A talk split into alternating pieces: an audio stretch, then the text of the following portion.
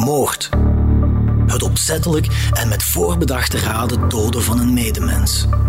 Het is het zwaarste misdrijf dat iemand kan begaan. We zijn er op een akelige manier door gefascineerd. Hoeveel romans, films en andere verhalen behandelen dit duistere thema? Helaas is moord niet altijd fictie. Integendeel. Er wordt gedood uit passie of jaloezie, uit wraak, lust, voor geld of botweg uit haat. In deze reeks analyseren we verschillende ophefmakende Limburgse moorddossiers, van plaatsdelict tot veroordeling. En gaan we op zoek naar de motieven die in het verknipte hoofd van de dader zijn gruwel rechtvaardigen. Ik ben Geert op Teinde en dit is Van Moord tot Verdikt. Moord zonder lijk, deel 2. De reis naar Nederland en terug. Op zaterdag 3 juni 2017, rond de middag, wordt de dan 53-jarige Ronald van der Rijken, bekend als Ronnie, voor het laatst gezien in een apotheek in het centrum van Genk, voor hij spoorloos verdwijnt. Hij is er samen met zijn hondje, dat later verwaarloosd wordt teruggevonden in Ronnie's woning. Ja, hockey. Dat was alles voor hem. hij, zou die nooit achterlaten thuis. Ronnie's appartement is doorzocht en er zijn geld, drugs en waardevolle bezittingen gestolen. Ook zijn auto, een lichtgrijze Peugeot 207, is weg. Zijn identiteitskaart en rijbewijs worden teruggevonden vlakbij de Nederlandse grens. Meteen is er een verdachte, Mark Kastermans, een vriend van Ronnie uit het drugsmilieu, die ook al met twee andere verdwijningen in verband is gebracht. Toen zei hij tegen mij dat zijn kameraad hier binnen is weggekomen met twee moorden. De speurders beschouwen Ronnie's verdwijning meteen als onrustwekkend. Waardoor dat ook vrij meteen alle registers zijn opengetrokken. Die avond nog zelf, hè. En zeker wanneer er op een veldweg bloed wordt gevonden, op de plaats waar kort daarvoor een kleine Peugeot heeft gestaan. Al heel snel na de aangifte van de verdwijning legt een oplettende politieinspecteur de link tussen een voorval in Gelk, een deelgemeente van Lanaken, en de verdwijning van Ronnie in Genk. En dit is de man die het voorval signaleert. Ik ben George en ik woon in Mobertingen. George is een leerkracht op rust en een fervent fietser. Op zondag 4 juni 2017 geniet hij samen met zijn vrouw van een mooie lentedag tijdens een fietstocht. Ja, eigenlijk was dat een van de, ik denk, eerste fietstocht met de elektrische fiets van mijn vrouw, want die had ze nog niet, die had ze nog niet lang in bezit. En uh, we zijn we mee gaan uh, fietsen naar Sint-Pietersvoeren. Ja, mooie uitstap, voor elke eten. En uh, achteraf teruggekomen, en ik ken nogal wat binnenwegen, en dat we niet altijd langs de grote weg moeten fietsen. En zo zijn we via Veldwezelt en dan via de brug in Gelk door het veld richting Eigenbilze naar Mopetingen willen rijden. Maar dicht bij de brug in Eigenbilze gebeurt er iets waardoor de gezellige fietstocht plots een heel andere wending neemt. Want wanneer George en zijn vrouw om 16.45 uur de Louis-Paul Boonstraat inrijden, een verlaten veldweg in Gelk, zijn ze getuigen van iets dat hen nog jaren zal bezighouden. We rijden uh, de veldweg in. Mijn vrouw reed, ik denk, 50 meter voor mij. En uh, voordat we het veld in reden, zag ik daar een wagen staan. En die stond al ja, verdacht. Die stond niet op de weg, maar zo een beetje naast de weg in het gras en met de linker voorkant zo tegen een paal. En die man wat er rondliep was nogal zenuwachtig. En ik zeg tegen mijn vrouw, wees wat voorzichtig, ik denk dat hij dronken is of er is, er is iets met die man. En zij rijdt daar rond. En ik rijd er ook rond. En op het moment dat ik naast die wagen rijd, wat dus tamelijk snel voorbij gaat, dat is maar een fractie van een seconde, zie ik daar een, een plas bloed liggen. En in eerste instantie had ik willen stoppen, om uh, mensen in het bloed en wilt je mensen helpen. En ik, had, ik weet nog goed dat mijn remmen uh, aan het dichtknijpen was en dat ik ze losliet met het idee van, hier klopt iets niet. Ik reed dus gewoon verder achter mijn vrouw, want die reed toen uh, toch een 50 meter voor mij. En voordat ik bij haar was, stonden we toch al een 100, 150 meter van het voertuig. En ik zeg, stop eens even, wat heb je dan bij die wagen, heb je dat niet gezien, dat bloed? En ze zegt, uh, nee, ik heb wel iemand met zijn hoofd in de wagen iets zien uh, zoeken. Of, het hoofd was dus niet zichtbaar van die man, alleen de rug. Ze, ze zegt, ik zie alleen een zwarte hoop, een jas of, of iets. Ik zeg, ik heb daar bloed gezien. En zo hebben nog wat gebabbeld van, wat zou dat toch maar zijn? En ondertussen was die man nog wat rond die wagen aan het lopen. op een bepaald moment vertrekt hij met volle snelheid richting Veldwijzelt. En ik dacht, dat is iets, dat is niet koosje, daar moet ik toch eens gaan kijken. En op dat moment zagen we een tweede plas bloed. En uh, toen ben ik in het gras, in het hoge gras ernaast, gaan kijken of, er, of die man soms in een voetganger of zo had omgereden. Dat was niks te vinden. Wel zagen we een tamelijke dikke steen, in de grootte van een voorhamer zo. En een steen wat half vol bloed hing. Die bloedplassen op de weg hebben elk een diameter van zo'n 30 centimeter. Dus dat is best veel bloed. En vlakbij ligt ook een grote, bebloede steen op de weg.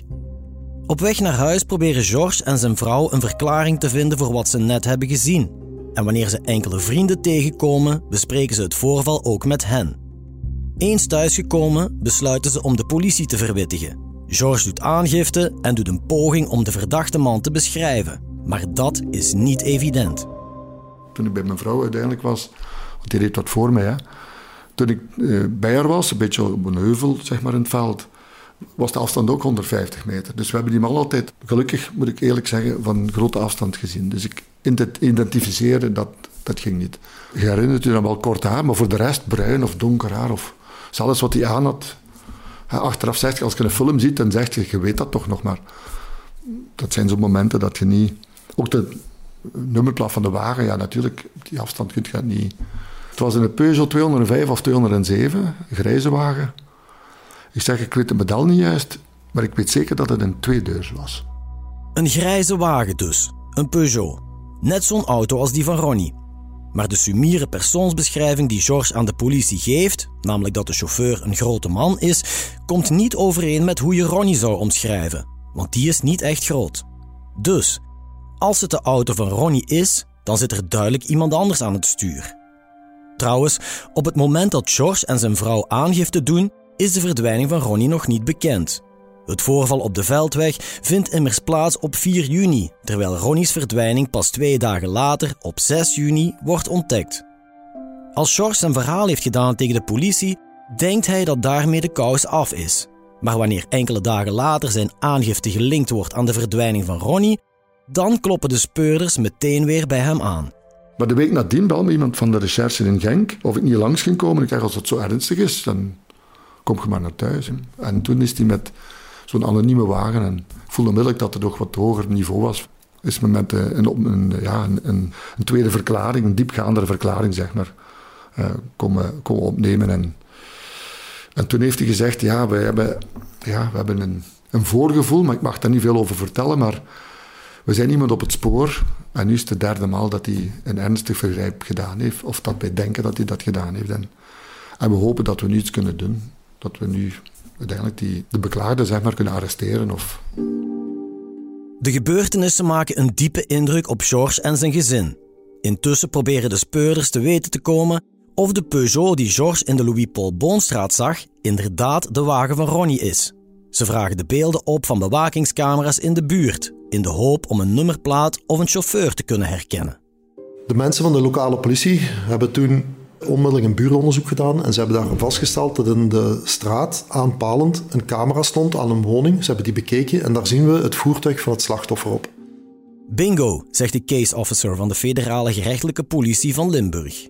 Waarom weten we dat? Met 100% zekerheid. De nummerplaat van het voertuig was duidelijk leesbaar en aan het stuur zat een man, breed geschouderd met een zwart singletje aan.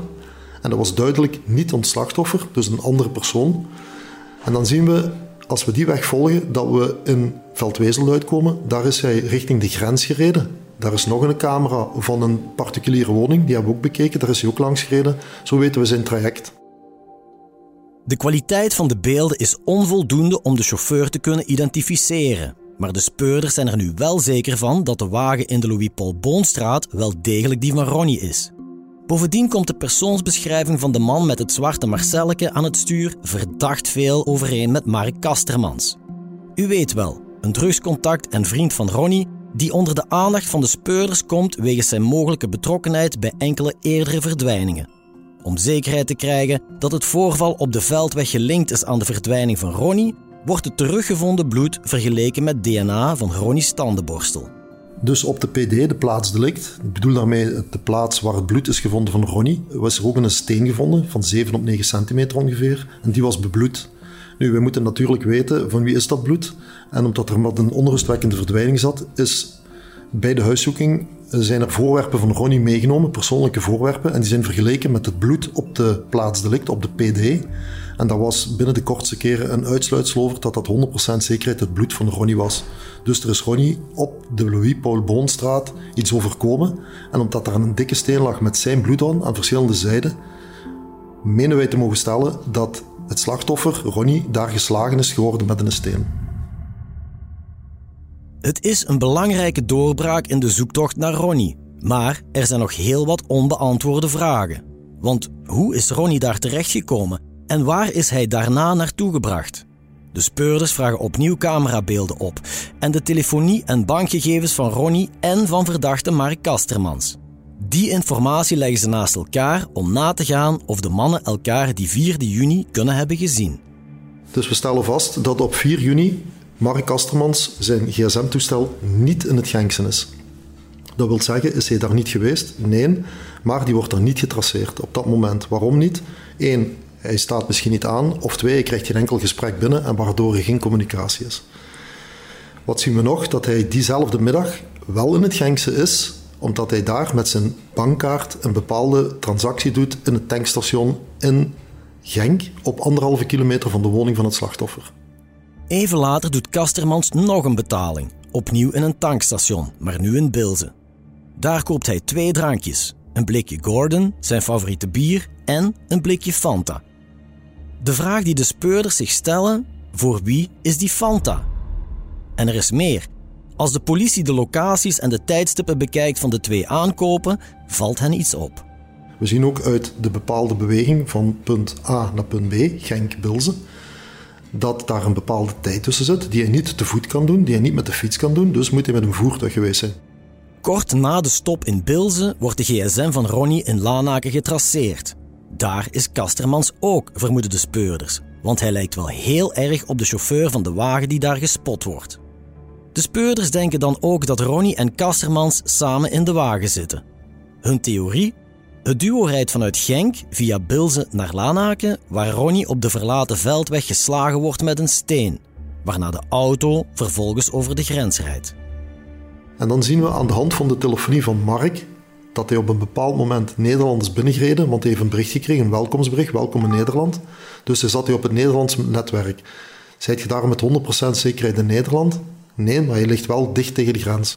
Nu, als we dan zien dat hij Nederland is binnengereden, wacht dat hij een telefoongesprek voert met een Nederlands nummer. Dan zien we dat hij op de mast zit van de Klave Simbelstraat. De Klave Simbelstraat is heel kort aan het industrieterrein in Nederland, in Maastricht beter gezegd. Dat industrieterrein heet Bosserveld. Het is de oude stortplaats van Maastricht, die nu opgehoopt is en waar een wandelgebied bovenop ligt. Maar er zijn gaten in de heuvel, schachten die zuurstof moeten doorlaten om het rottingsproces van het oude stortafval te versnellen. Het is daar op het industrieterrein dat de auto een tijdje blijft stilstaan. Tussen de 35 en 45 minuten. Wat hij daar precies gedaan heeft, weten we tot op vandaag niet.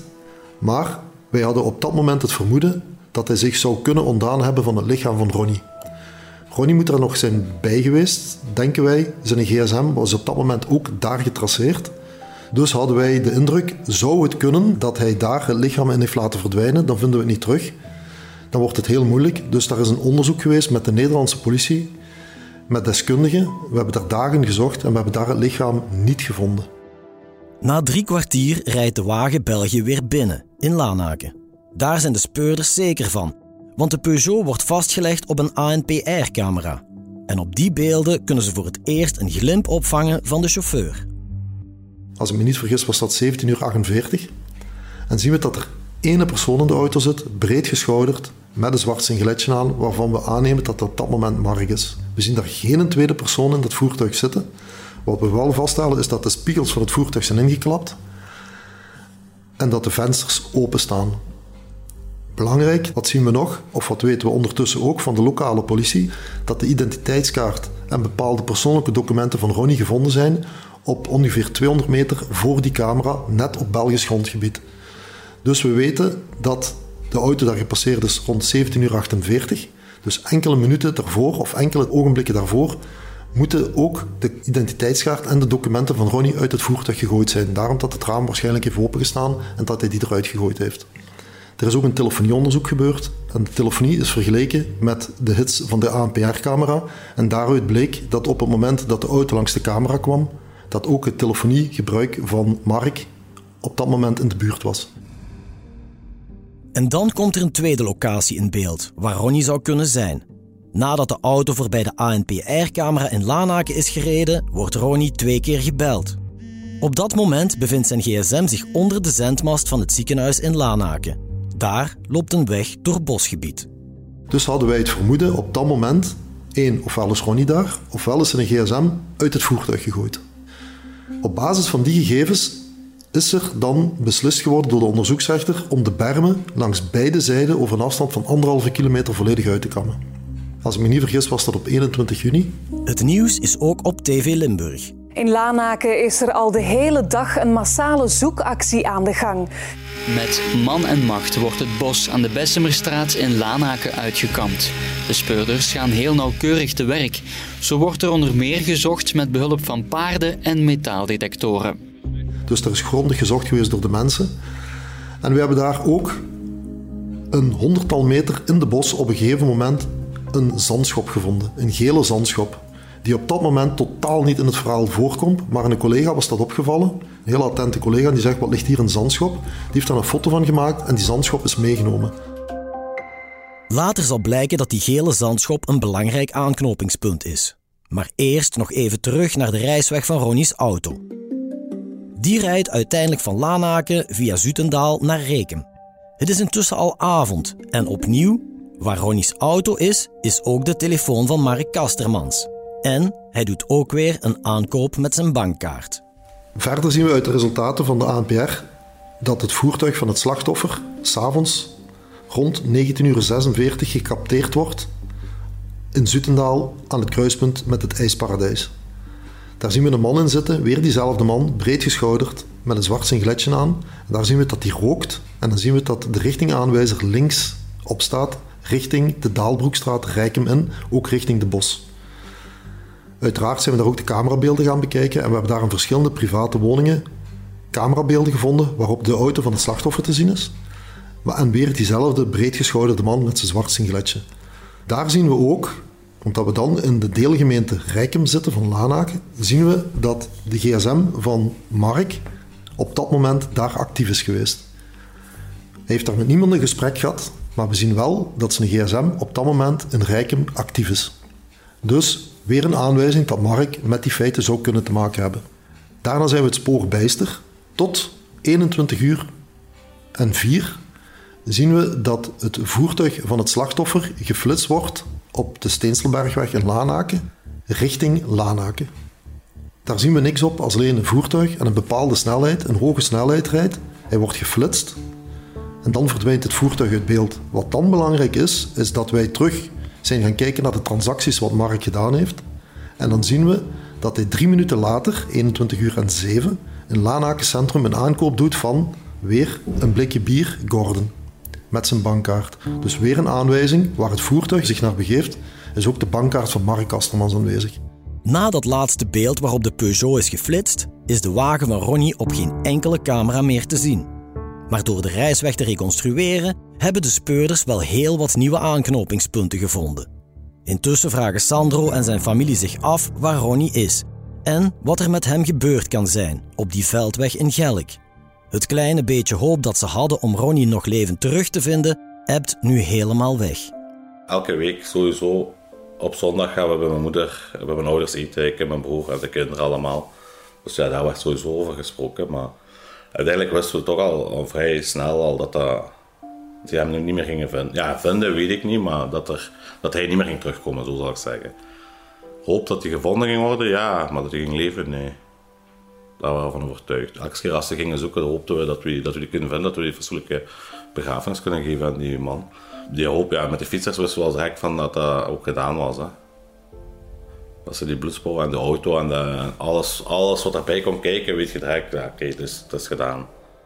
Intussen blijft Mark Kastermans op vrije voeten. En daar heeft de familie van Ronnie het moeilijk mee. omdat er met hun vermoeden over zijn betrokkenheid bij de verdwijning en het verwonden of doden van Ronnie schijnbaar niets wordt gedaan.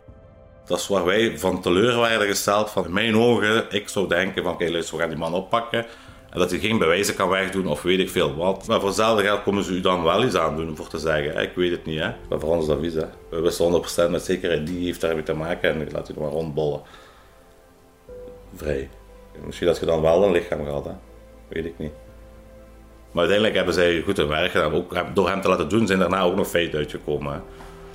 Dat is ook zo. Omdat dat is geen gewone kerel. Hè. Zij weten ook, hè, die is al twee keer weggekomen met is. Nu hopelijk hebben we die. Nee, van het moment dat we de naam kregen van Mark Kastermans, zijn we niet onmiddellijk tussengekomen, omdat we natuurlijk bewijsgaring willen hebben. We willen weten wat is er gebeurd, wat kunnen we nog doen om ons bewijs te versterken en aan te tonen dat Mark daarbij betrokken is. We hadden hem ondertussen wel onder een bepaalde volgingssysteem, laat ik het zo noemen. Maar um, dit is allemaal in samenspraak met een onderzoeksrechter. Dus wij hebben dat met opzet hem laten nog lopen en niet onmiddellijk tussengekomen, omdat we nog bepaalde dingen wilden vergaren. Wat ook gelukt is. Dus we hebben nog onder andere bepaalde telefoongesprekken van Mark kunnen onderscheppen, die heel belastend voor hem zijn geweest, met betrekking tot de verdwijning van Roddy van der Rijken. Over die telefoongesprekken hebben we het in de volgende aflevering.